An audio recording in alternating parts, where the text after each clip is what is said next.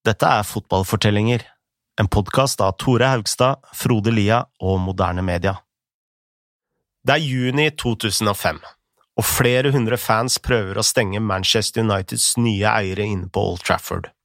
De setter opp gjerder, de roper Dø, Glazer! Dø! De kaster ting på politiet, som slipper løs hunder og fekter med batonger. Fansen protesterer mot Malcolm Glazer, en mann som har viet livet sitt til å tjene så mye penger som mulig. Han har ingen planer om å stoppe nå.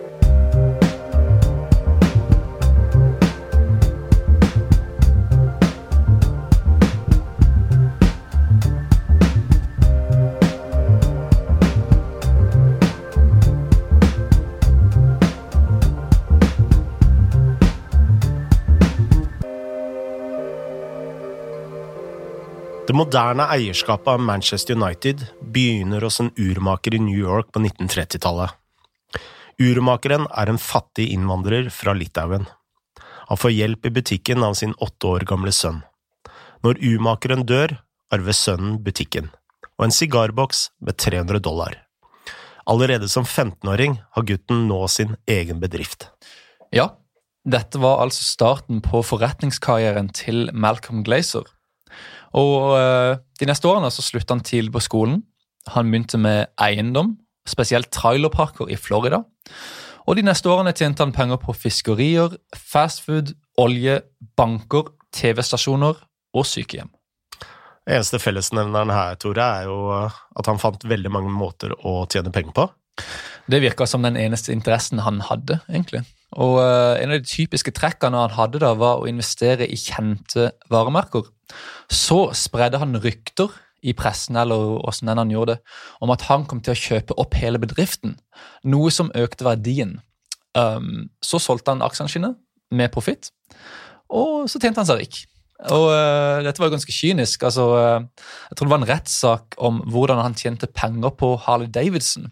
Og Dommeren der sa at Glazer var en quote, quote, slange i fåreklær. Okay. En fin, fin, beskrivelse å ha på offentlig. Eh, noen veldig rike mennesker er veldig forsiktige på å bruke penger, selv om de i praksis kan kjøpe hva de vil. Men Malcolm, var han en av disse?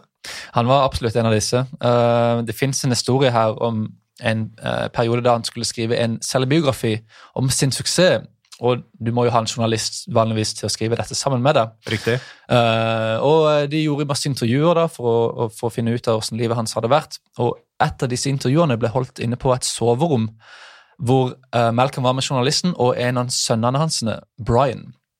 Og mens uh, Malcolm snakka, så skal han ha stoppa og pekt på buksene til Brian. Og så skal han ha sagt Ser du de buksene? De er fra Hugo Boss og koster 200 dollar. Ser du på mine bukser? De er fra JC Penny og koster 19 dollar og 95 cent på salg. Og vet du hva? Jeg liker buksene mine bedre enn Brian liker sine, fordi jeg kan huske den dagen da jeg brukte, kjøpte bukser for mindre enn 20 dollar. Høres noe veldig Olav Tonsk eh, over det. det er, det er det definisjonen på en gnier? Nei, altså Når du er den styrtrik fyr som bare elsker det at han har kjøpt bukser for mindre enn 20 dollar, så høres det iallfall ut som en som ikke bruker penger på unødvendige ting. Um, og det finnes jo også en annen episode som setter Malcolm i et litt sånn ja, ikke gnirlys, men altså, ikke sånn veldig bra moralsk sett. da. Uh, og det var da mora hans døde i 1980. Hun etterlot seg en eiendom til en verdi på 1,1 ja, 1 millioner dollar. Og Malcolm gikk da til retten for å unngå at noen av hans fire søstre fikk en del av denne eiendommen. Og dette ble en bitter rettssak da, som holdt på i 15 år. Det virker som eh, penger er eh, mye viktigere enn eh, forhold til familie og, og søstrene sine i dette tilfellet? Det, det er inntrykket som, som, kommer frem her, ja. Snart begynte jo Malcolms sønner og hans eneste datter å jobbe sammen med ham i forretningsimperium. Mm. Eller forretningsimperiet hans, heter det vel rettere sagt. Og vi har lurt litt på hva slags rykte denne gjengen eh, hadde i USA. Så vi tok en prat med Joshua Robinson, som er en journalist fra The Wall Street Journal, som har skrevet bok om Premier League-eierne kalt The Club. Han sa at Glazer-familien aldri fremsto som typiske eiere av en fotballklubb.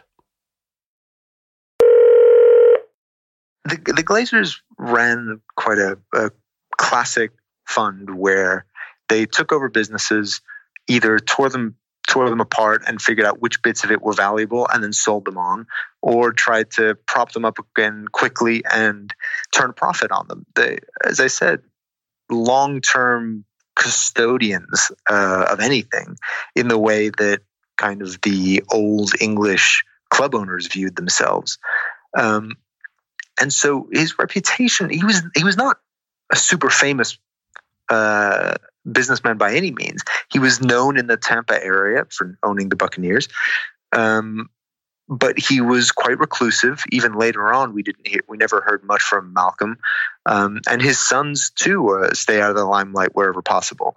So it, it was kind of a a strange move for someone who is as private as he is to uh, suddenly put himself in the right in the limelight of one of the most famous clubs on the planet in any sport.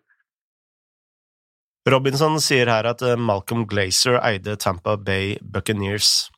Dette er en viktig del av historien om eh, Glazer-familien. Ja, i 1995 kjøpte han eh, NFL-laget til Tampa Bay, og også her var Malcolm Glazer ganske kynisk. Han krevde at kommunen skulle bygge ny, et nytt stadion til Buccaneers innen to år. Og hvis mm. ikke, da kommer han til å flytte laget til en annen by. Ja, for dette er en reell risiko i USA. Altså Lag som spiller f.eks. amerikansk fotball, kan eh, flyttes til andre siden av landet så lenge resten av eierne i NFL godtar det. Ja, og dette er jo helt utenkelig i engelsk fotball og i, i Europa generelt. Uh, og dette er jo en, en trussel, fordi NFL-lag er veldig populære uh, i sine byer. Altså Det betyr mye for de lokale og for politikere og, og så videre. Så kommunen de ga etter for Glazer sitt krav og bygde et nytt stadion. Alt ble dekka av skattepenger. Glazer-familien betalte ikke en krone. Og så fikk han sitt lag leie denne arenaen veldig billig og tjene penger på kampene. Og med det da steg verdien på laget umiddelbart? Ja, så Innen 2003, da Tamper Bay vant Superbowl, så hadde verdien på laget tredobla seg. Det er også i 2003 Glazer-familien eh, begynner å kjøpe aksjer i Manchester United, ikke sant, Tore? Ja, det året kjøpte de 2,9% av aksjene i United. Og dette skjedde jo på en diskré måte. Altså, 2,9 det er ingenting. Eh, folk ante fred og ingen fare. Dette var jo en utenlandsk eier som fortsatt var helt Altså, konseptet De prøvde å snike seg inn? Det, det virka sånn, og det med utenlandske eiere i uh, Premier League var jo fortsatt veldig ukjent. Um, dessuten var dette en amerikaner som allerede hadde vært på Old Trafford, og som ikke hadde noe åpenbar interesse for fotball. Kanskje var det en slags hobbygreie eller noe sånn uh, at han kjøpte 2,9 Det var vanskelig å vite. Men i løpet av 2004 økte Glazer-familien sin andel til 27% ja, og plutselig virka de jo seriøse. Eh, var jo i en posisjon hvor de kanskje kunne ta over hele klubben. Og vi må huske at Roman Abramovic på dette tidspunktet hadde eid Chelsea i ett år, som den første superrike eieren i Premier League.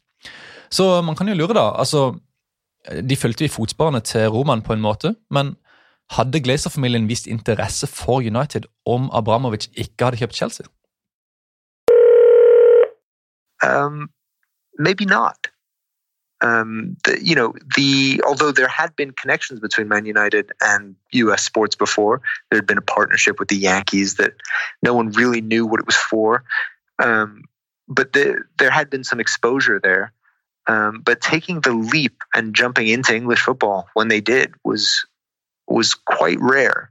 Um, although I'll add this: at the time, and I, I heard it more from Randy Lerner who then bought Aston Villa. But the Premier League was making it known among Americans that anyone who wanted to come in and buy a club could choose from six or eight different clubs because there were so many willing sellers at the time. Um, so they were definitely looking for investment from the United States at the time. Det var ikke alltid en selvfølge at uh, United skulle bli solgt til Malcolm Glazer. Eieren kunne faktisk like like gjerne ha vært eh, Muhammar eh, Gaddafi. ja, utrolig nok. Og det, ja, det, Det er litt av en historie. Men uh, før vi kommer til det, så må vi vite hvorfor United i det hele tatt var, var til salgs. Og den historien handler om uh, sir Alex Ferguson og en uh, veddeløpshest. Ja, Ferguson var, hadde et par andre interesser utenom fotball. Han likte vin, han likte bøker, og han var veldig glad i hester. Og Rundt den tida så eide han halvparten av en veddeløpshest som het Rock of Gibraltar. Mannen som eide den andre halvdelen, var en forretningsmann ved navn John Magnier. Og etter at disse to ble medeiere, viste det seg at denne hesten var veldig veldig god. Han rakte inn premiepenger og vant løp etter løp. Og På et tidspunkt da, så skal Ferguson ha ment at han ikke hadde fått sin andel av pengene. Og hva gjorde han da? Han saksøkte Magnier. Men hva hadde dette med Manchester United å gjøre? Altså, Magnior var forretningspartneren til en fyr som heter JP McManus. Og disse to eide til sammen 29 av aksjene i United. Og Til slutt da, så ble Magnior enige om å gi Ferguson 2,5 millioner pund, så den feiden var over. Men det var jo fortsatt uro da i klubben. altså Du hadde treneren og en stor aksjeholder som hadde denne historien bak seg, som var uvenner. Og dette kunne ikke fortsette. Uh, og Ferguson da, han var jo selvfølgelig urokkelig blant fansen som en legendarisk suksesstrener. Så det førte det altså da Magnior og McManus til å selge sine aksjer. Og det er her eh, Gaddafi kommer inn i bildet, ikke sant? Ja. Magnior og McManus ba en bankmann som het Mehmet Dalman om å selge aksjene. En av de interesserte var Gaddafi, og uh, altså, Dalman hadde ikke noen fordom mot dette. Han satte seg på et fly til Libya for å møte Gaddafi sine rådgivere. Og Ifølge Dalman da, så var det snakk om timer før salget gikk igjennom. Det hadde vært eh, et fantastisk syn å se Gaddafi i hvit kjortel og solbriller på den eh, VIP-boksen på Old Trafford, vel? Ja, litt av et syn. men, men, uansett så, så, gikk jo, eh, så var det Glazer-familien som ble enige om en pris. I 2005 kjøpte de 98 eh, av aksjene, noe som ga de full kontroll over klubben. Og den totale prisen her, det var 790 millioner pund. Her gikk altså Glazer på en måte i fotsporene til Abramovic. Men, men det var en stor forskjell på hvordan disse to kjøpene blei finansiert? Ja, altså Abramovic brukte sine egne penger. Han sletta gjelda til Chelsea som var på mer enn 200 millioner pund. Glazer han gjorde det motsatte. Han lånte penger fra banken for å kjøpe klubben, og så ga han klubben gjeld. Vi har forhørt oss med en ekspert om dette oppkjøpet. Kieran Maguire underviser i økonomi ved University of Liverpool og har skrevet en bok om finanser og fotball kalt The Price of Football. Han fortalte oss hvorfor Glazer-oppkjøpet var så kontroversielt. When the Glazers acquired Manchester United, the club had cash in the bank, it had zero debt. And all of a sudden, um, what, what, what, what, happened was that the, the Glazers bought Manchester United effectively from the stock market, from, from the variety of owners that the club had at that point, for around about 800 million sterling. Um, but in order to do that, they borrowed 770 million from banks. So effectively, they're, they're taking out what was close to a 100% mortgage. And the banks were, were cautious in, in terms of, of lending to, to people who, whilst they had experience of success, or so, or some sporting success in the US, which is a closed franchise model, um, the Premier League was more of an unknown quantity. Um, and if you have debt, then A, the debt has to be repaid at some point, but perhaps just as importantly, um, that debt has to be serviced in the form of interest.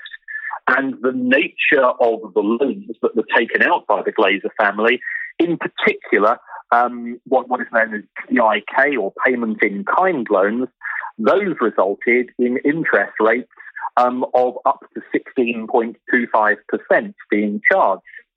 Now, fans felt that Manchester United, therefore, were becoming less focused on player development and recruitment and more concerned with regard to um, servicing the debt and the sums involved. Jeg kan skjønne hvorfor fansen protesterte så kraftig mot uh, Malcolm Glazer. Altså, Chelsea trengte jo en eier uh, for å redde dem, mm. men United de hadde jo ikke det behovet. Ikke hadde de gjeld, de hadde vunnet seks ligatitler på ti år. Alt var uh, oppe og sto. Og så kommer den amerikanske kapitalisten for å ta penger ut av klubben. Jeg hadde vært veldig veldig sur om jeg hadde støtta United. Og um, som vi hørte i starten, var jo reaksjonen voldsom. Uh, fansen snekka sammen plakater som sa 'Love United, hate Glazer'. De solgte skjerf i gult og grønt, som var de originale fargene på klubben da han ble skifta som Newton Heat i 1878. Og det var også en gruppe fans som skifta en helt ny klubb, FC United of Manchester, for, som skulle være et slags moralsk rent alternativ til United. Litt som ja, AFC Wimbledon, kan man nesten si. Ja. Og hva var reaksjonen til Ferguson, da? Nei, Ferguson uh, han ble uh, bedt om å gå av faktisk av flere supportere. Han fikk brev og, som, som, krevde at du kan ikke ha noe med det her å gjøre. sant? Men Ferguson hadde jo vært der siden uh, 1986. det skulle jo veldig mye til for at han bare skulle forlate et helt livsverk når han hadde bygd hele klubben. Mm. så han blei den daglige lederen David Gill hadde sagt før oppkjøpet at 'that is the road to ruin'. Men så fort Glazer-familien faktisk tok kontroll, så liksom backtracked han litt og sa at nei, nei, strukturen på avtalen har endra seg, og dette, dette det, er ok likevel. Så disse to blei værende, og Glazer-familien sjøl de, de, sa som vanlig ingenting. Det virker åpenbart at eh, Glazer kjøpte United for å tjene penger. Men hvorfor valgte han akkurat United? Altså, han betalte jo mer enn fem ganger så mye for uh, United som Ambramovic uh, hadde gitt for Chelsea to år tidligere. Ja, det er et godt poeng. la oss høre litt mer om det fra Joshua Robinson.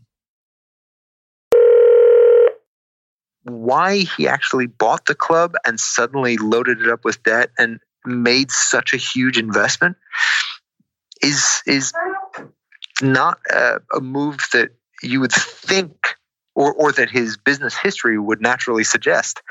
But at the same time, if you are getting into sports ownership and an asset like Manchester United is available, that's one of the safer ones out there because you know United is going to turn a profit on something. Um, you know, their, their global marketing empire was so far ahead of anyone else's, especially then, that that was the one that made the most sense. Malcolm Glazer kjøpte altså United fordi han mente klubbens globale status kunne håve inn penger. Mm. I neste episode skal vi se mer på hvordan familien har skvist penger ut av klubben. Og det er spesielt én person som har hjulpet dem med å fylle lommene full av penger. Han heter Ed Woodward.